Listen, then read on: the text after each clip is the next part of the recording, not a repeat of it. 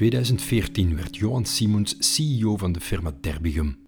Hij volgde na negen jaar als financieel directeur André de Smet op. Derbigum is een Belgische onderneming die in 1932 werd opgericht.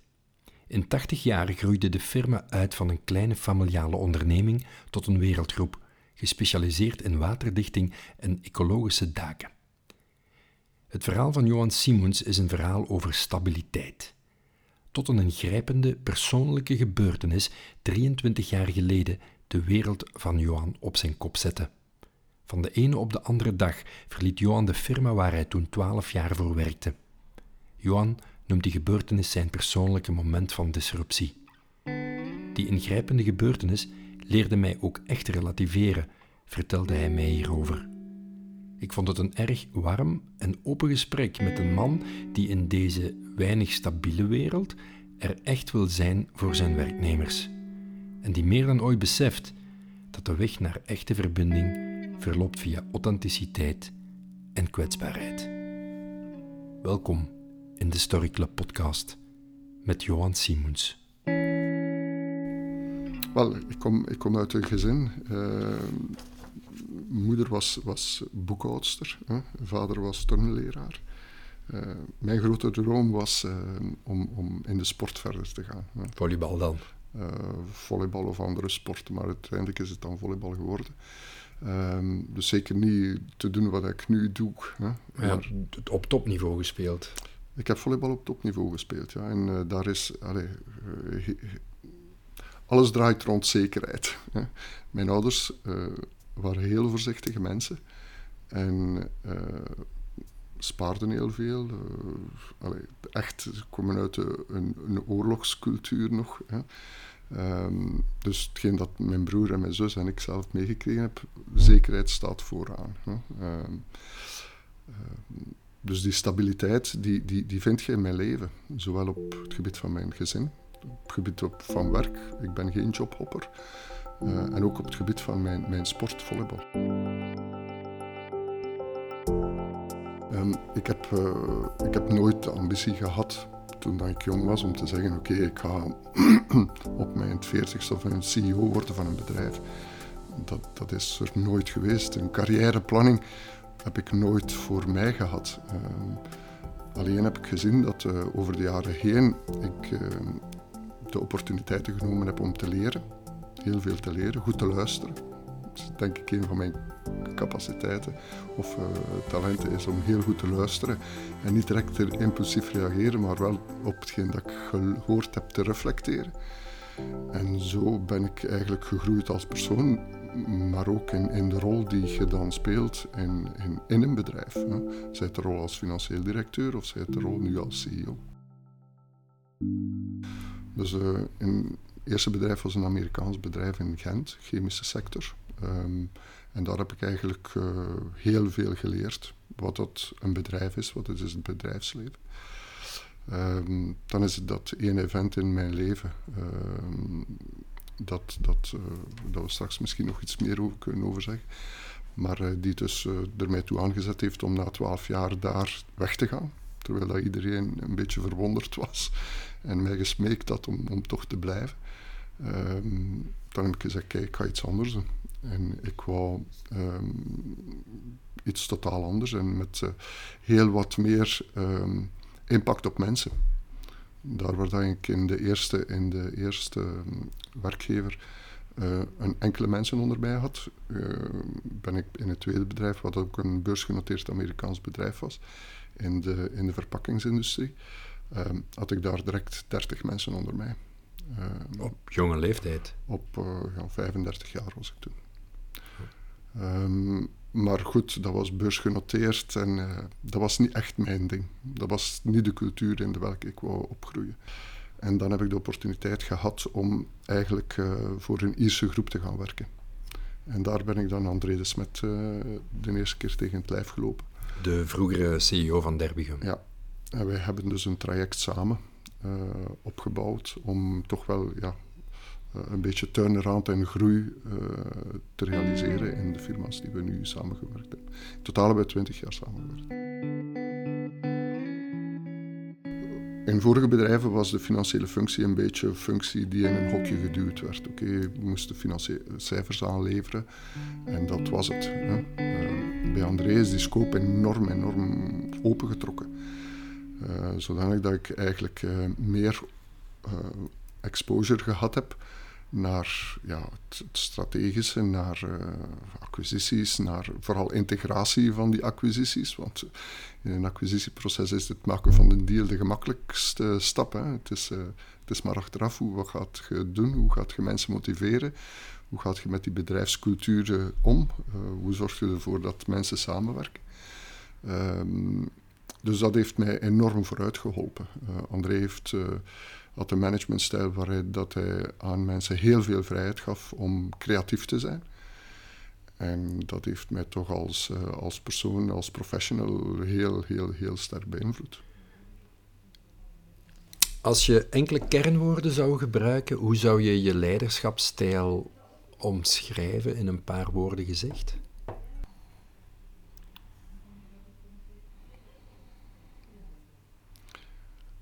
Um, ik probeer heel dicht bij de mensen te staan. Heel goed te luisteren. Um, ik probeer zeker een voorbeeldfunctie te zijn. Dus uh, eigenlijk, uh, we hebben daar een goede expressie hier, een walk the talk. Uh, ik denk niet dat, het, dat je van iemand kunt verwachten altijd op tijd te zijn voor iets als je zelf altijd te laat bent. Dat kan niet. Dus je moet, je moet ergens een voorbeeldfunctie stellen. Um, dus daar, daar zet ik heel veel op in. Ik ben niet de man van grote woorden. Ik ben niet de man van grote exposés, hoewel dat ik wel exposés kan geven. En dat zelfs mijn persoonlijke coach gezegd heeft, als je dat doet, moet ik er kijken. Veel, het is muisstil in de zaal. Um, ik doe dat ondertussen heel graag. Um, maar ik probeer de mensen toch de vrijheid te geven om zaken te ontwikkelen. Uh, buiten de scope van hun doen. Um, en ze de ruimte te geven om ook te falen. Want ja, als je iets wilt ontwikkelen, deel van het falen of iets wil hmm. nieuws doen, de, falen is er een deel van.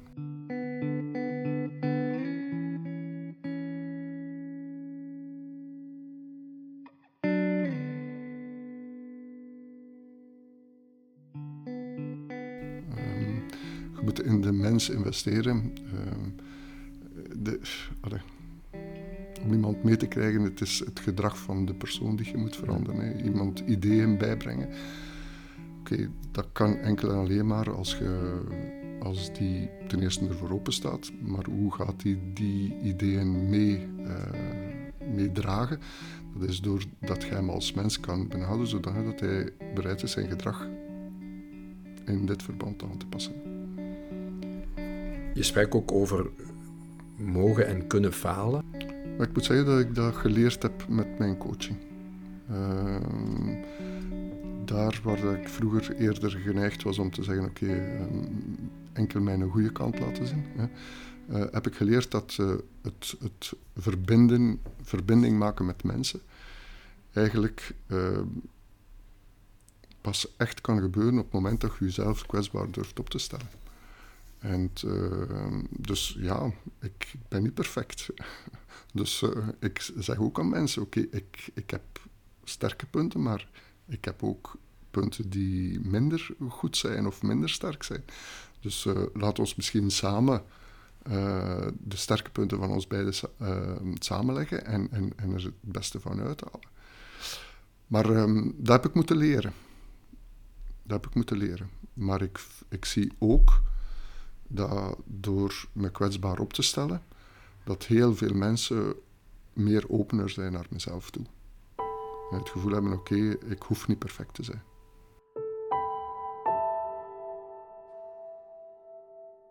En, en als ik dan vroeg van, is er een levensles? Dan hoor ik je zeggen, eigenlijk die rode draad is zekerheid, stabiliteit. Dat is eigenlijk iets dat ik al vroeg gevoeld heb. Dat Ook is... dankzij de ouders. Dat is iets dat, dat ons in, met de lepel is ingegeven. Er is echter één groot event dat, dat daar een grote, grote duw aangegeven heeft. En dat is het overlijden van mijn, mijn zoontje. dus we hebben vier kinderen, maar de jongste zoon die is aan wiggedood overleden. En op dat moment, van de ene dag, van het ene moment die een vingerknip, verandert er heel veel. En is ook dat begrip zekerheid weg en stabiliteit weg. Want, uh, en, dat heeft, en dat heeft enorm grote impact gehad op de professionele carrière die ik nu heb. Want ik heb van de ene dag op de andere gezegd, ik ga van job veranderen. Dus uh, een, een, job die ik twaalf jaar had, heb ik direct laten staan, iets anders gedaan. Um, Wat was de grootste drijfveer daar, daarachter om die breuk te maken? Het, begrip stabiliteit en zekerheid was er niet meer. Dus ik heb mij op dat moment de reflectie gemaakt. Ehm, zeker professioneel is dat wat ik wil doen. Want had ik gewild, had ik nu nog altijd bij dat bedrijf gewerkt. Hè. Ik heb dan nog altijd collega's die daar van toen nog altijd werken. Hè. Ehm, maar toen heb ik gezegd, nee, die stabiliteit is er niet en ik wil, ik wil meer, ik wil eigenlijk meer. En deze is een moment van disruptie. Ehm, en, en, en dat heb ik aangepakt op dat moment. Om dan te, eindigen waar ik nu ben. Hè.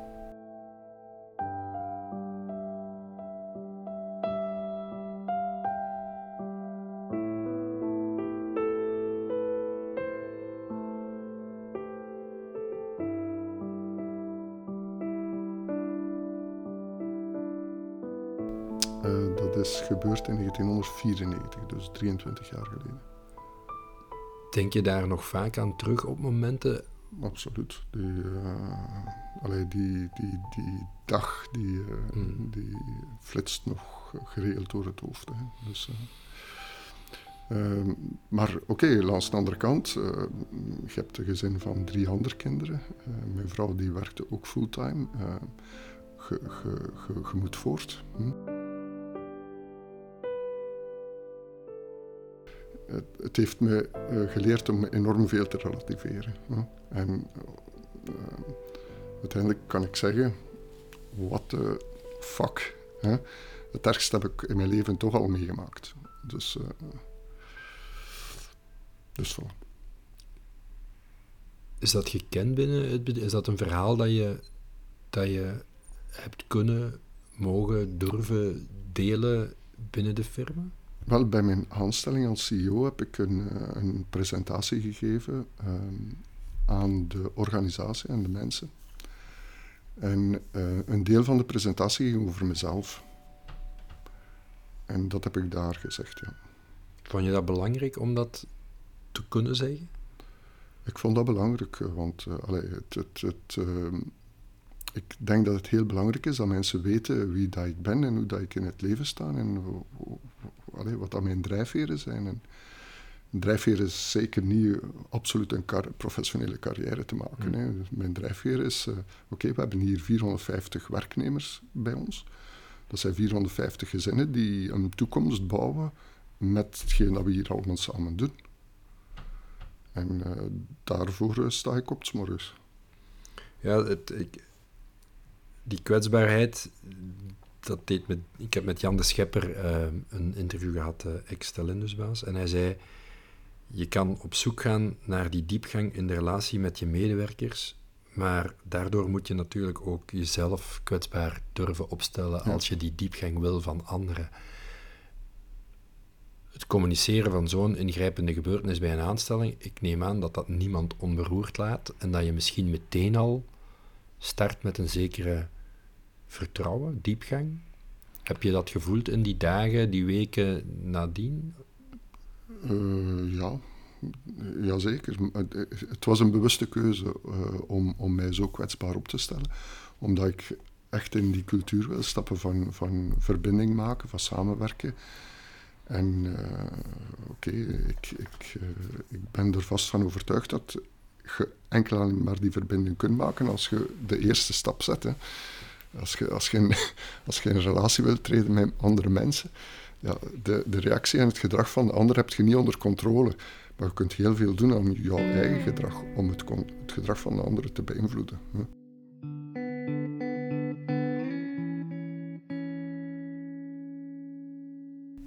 Nu, die rode draad waarover je sprak, zekerheid en stabiliteit, hè, zowel je gezin, je werk, de volleybal.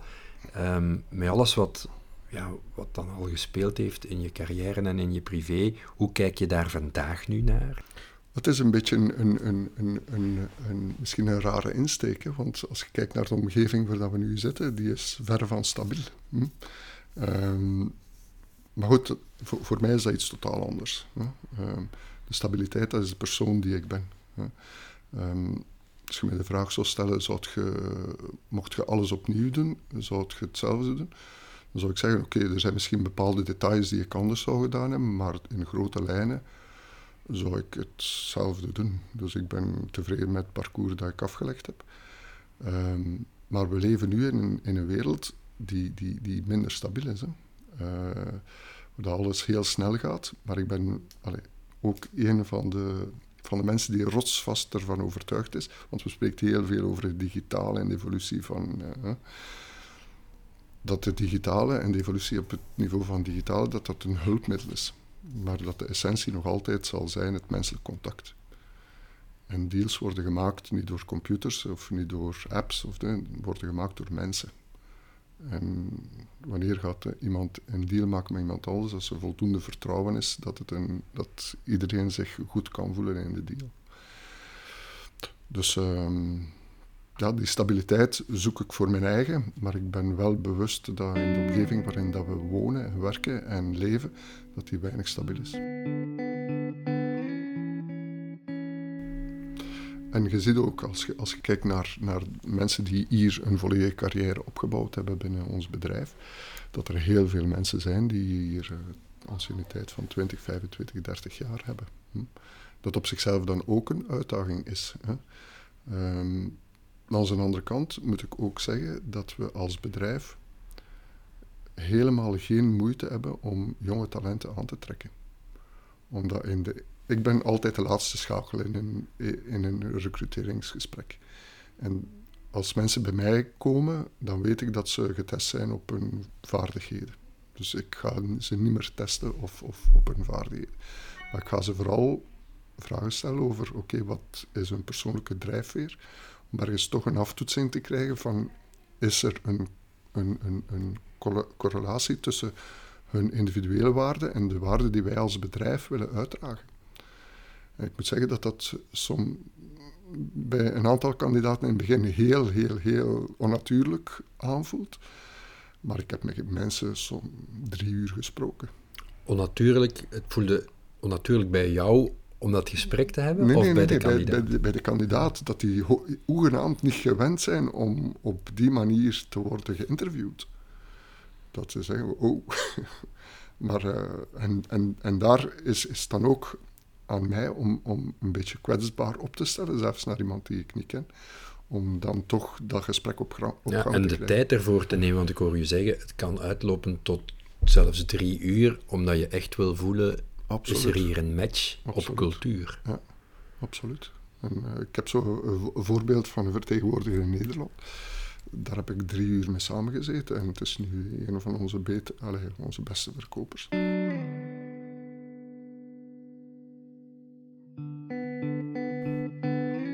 Een advies dat ik, dat ik uh, meegeef is dat uh, allez, de wereld is zo uh, open geworden, is om, om heel veel te leren.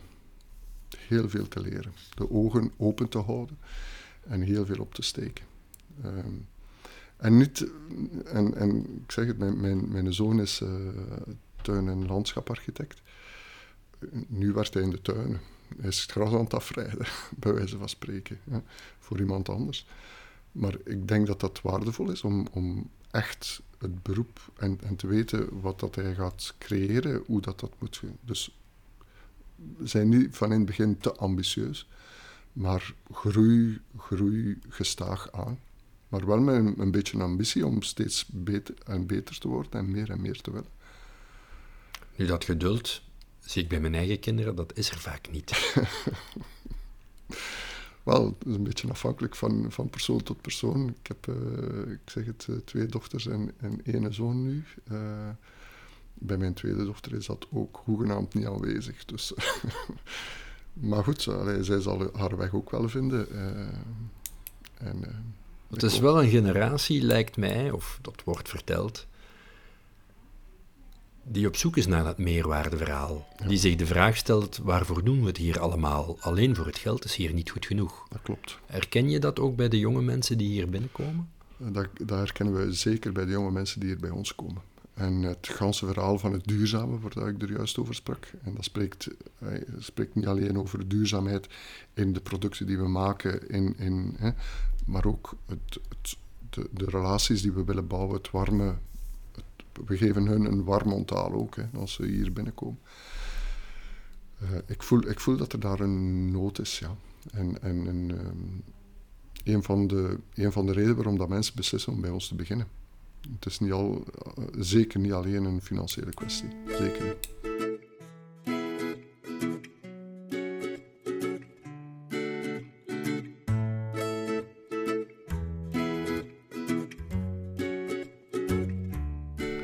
Wat zijn momenten waar je kracht uit haalt, waar je energie uit haalt?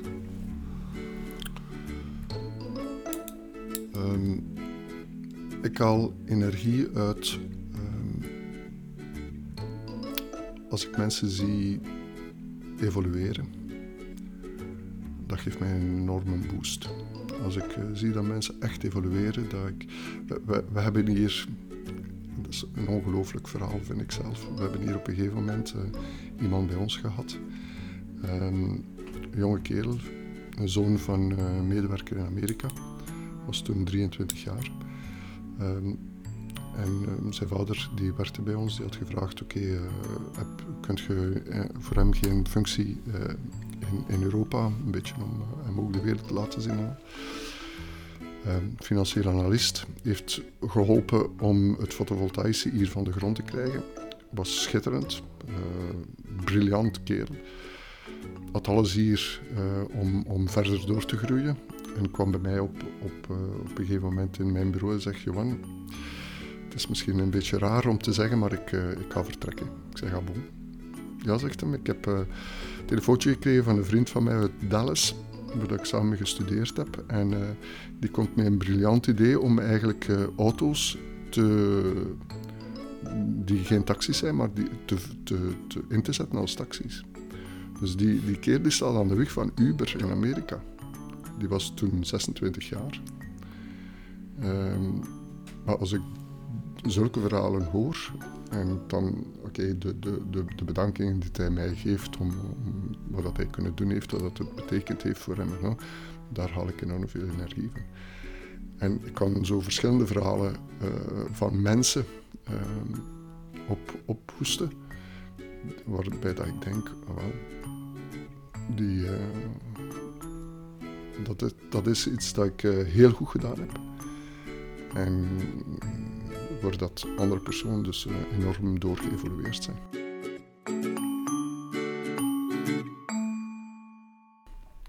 Haal je ook ontspanning en inspiratie op de fiets? Want ik weet, je bent ook een fietser. Dat, dat doe ik inderdaad. Dat zijn momenten van reflectie. Dat zijn momenten van even weg te zijn uit de wereld. Uh, ik heb het geluk dat mijn echtgenote dat ook doet. Dus uh, we, we, we, delen daar de, dezelfde allee, passie is het niet, maar hetzelfde hobby. Uh, maar onze vakantie is de fiets het hoge bergte in en ieder zijn eigen tempo, genieten van de natuur. en dat zijn momenten van reflectie. Meditatie op de fiets. Meditatie op de fiets. En ge, zeker op die, op die beklimmingen komt je dan mensen tegen die, die het ook moeilijk hebben, waar je het dan aan de klap mee geraakt. En dan hoorde ook verhalen van. En dat, dat is fantastisch. Dat is fantastisch. Uh, vooral de, de binding met de natuur die je dan hebt. De, het gevoel hoe klein dat je bent in, in, als je zo'n collant op, oprijden zijn. Hoe nietig ja, dat zijn momenten om, nee, die ik heel, heel, heel erg koester.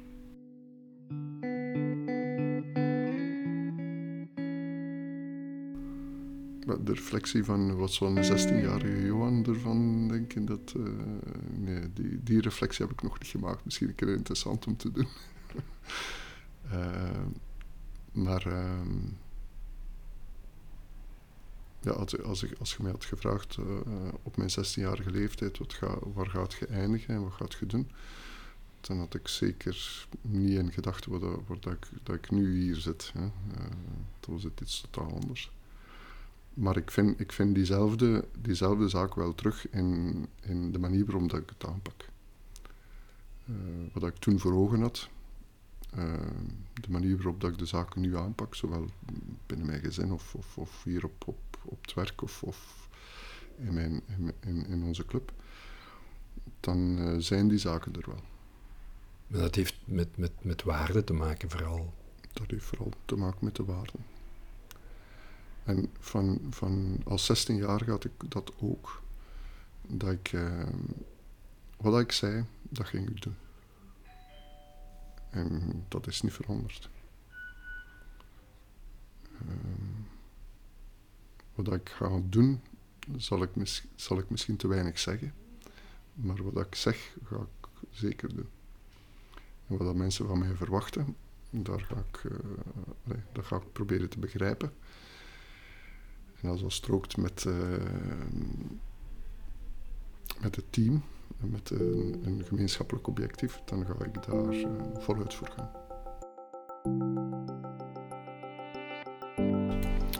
Ja, de, op het moment dat je mij vraagt, oké, wat, wat, doet er jou iets en op welk moment heeft het jou enorm aangegrepen? En, wel, het, uh, uiteindelijk de datum staat in, in mijn geheugen gegrift, hè, 8 juli 2015. Uh, grote brand bij ons in, in het bedrijf.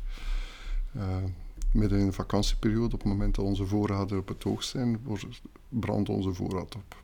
Dus een groot rampenplan afgekondigd. Dus allee, onze interventieteams die samen met de brandweer stonden te blussen en al. Uh, maar uh, allee, als je daar dat zit, dan, uh, ja, dan slaat toch in eerste instantie de, de grond een beetje onder jouw voeten weg. Want uh, ja, je zit in vakantieperiode en het, het hoogseizoen komt eraan. En wat ik dan gezien heb van onze mensen is, allee, dat is ongelooflijk en daar ben ik enorm trots op. Uh, arbeiders die zeggen: Oké, ons, ons, ons, ons productieapparaat is intact. Vanaf morgen beginnen we terug te produceren. Iedereen komt terug uit vakantie, ploegen worden samengesteld. Geen enkele klant heeft, heeft geleden onder het feit dat onze voorraad weg was. Ik heb daar mensen gezien die, die stonden te blussen. Uh, samen met de brandweer, die, die s'avonds naar het hospitaal gemoet, uh, geweest zijn om, om te checken of dat er geen intoxicatie was van de gassen. En toen dan ook om half zeven, s zondags, s morgens, terug op, op, op de fabriek kwam, stonden die mensen langs de lijn te produceren. Met een smile, om te zeggen, kijk jongens. Heb je dan zoiets, want je haalt trots aan, dat je denkt van... Ik heb meegezorgd dat hier toch dingen goed zijn. Wel, dus de, die, die, spirit, die spirit oké, okay, het, is, het, is een, het, is een, het is een urgentie. Uh, maar goed, die spirit die op dat moment uh, naar boven gekomen is, dat is uh, daar ben ik enorm, enorm trots op. Het beste teambuilding event dat we konden bedenken. Maar eh, ik heb, ik heb daar mensen uh, echt het ondersteunen kan. Uh, mensen zijn vanuit het buitenland teruggekomen uit verlof die gehoord hadden dat we een probleem hadden. En dat, dat is iets dat je nooit vergeet. Zelfs binnen 20 jaar ga ik nog aan die dag denken. U luisterde naar de Story Club podcast. Ik had een gesprek met Johan Simons, de directeur van Derbigum. Als je meer van deze persoonlijke verhalen wil horen, ga dan naar watisjouwverhaal.be.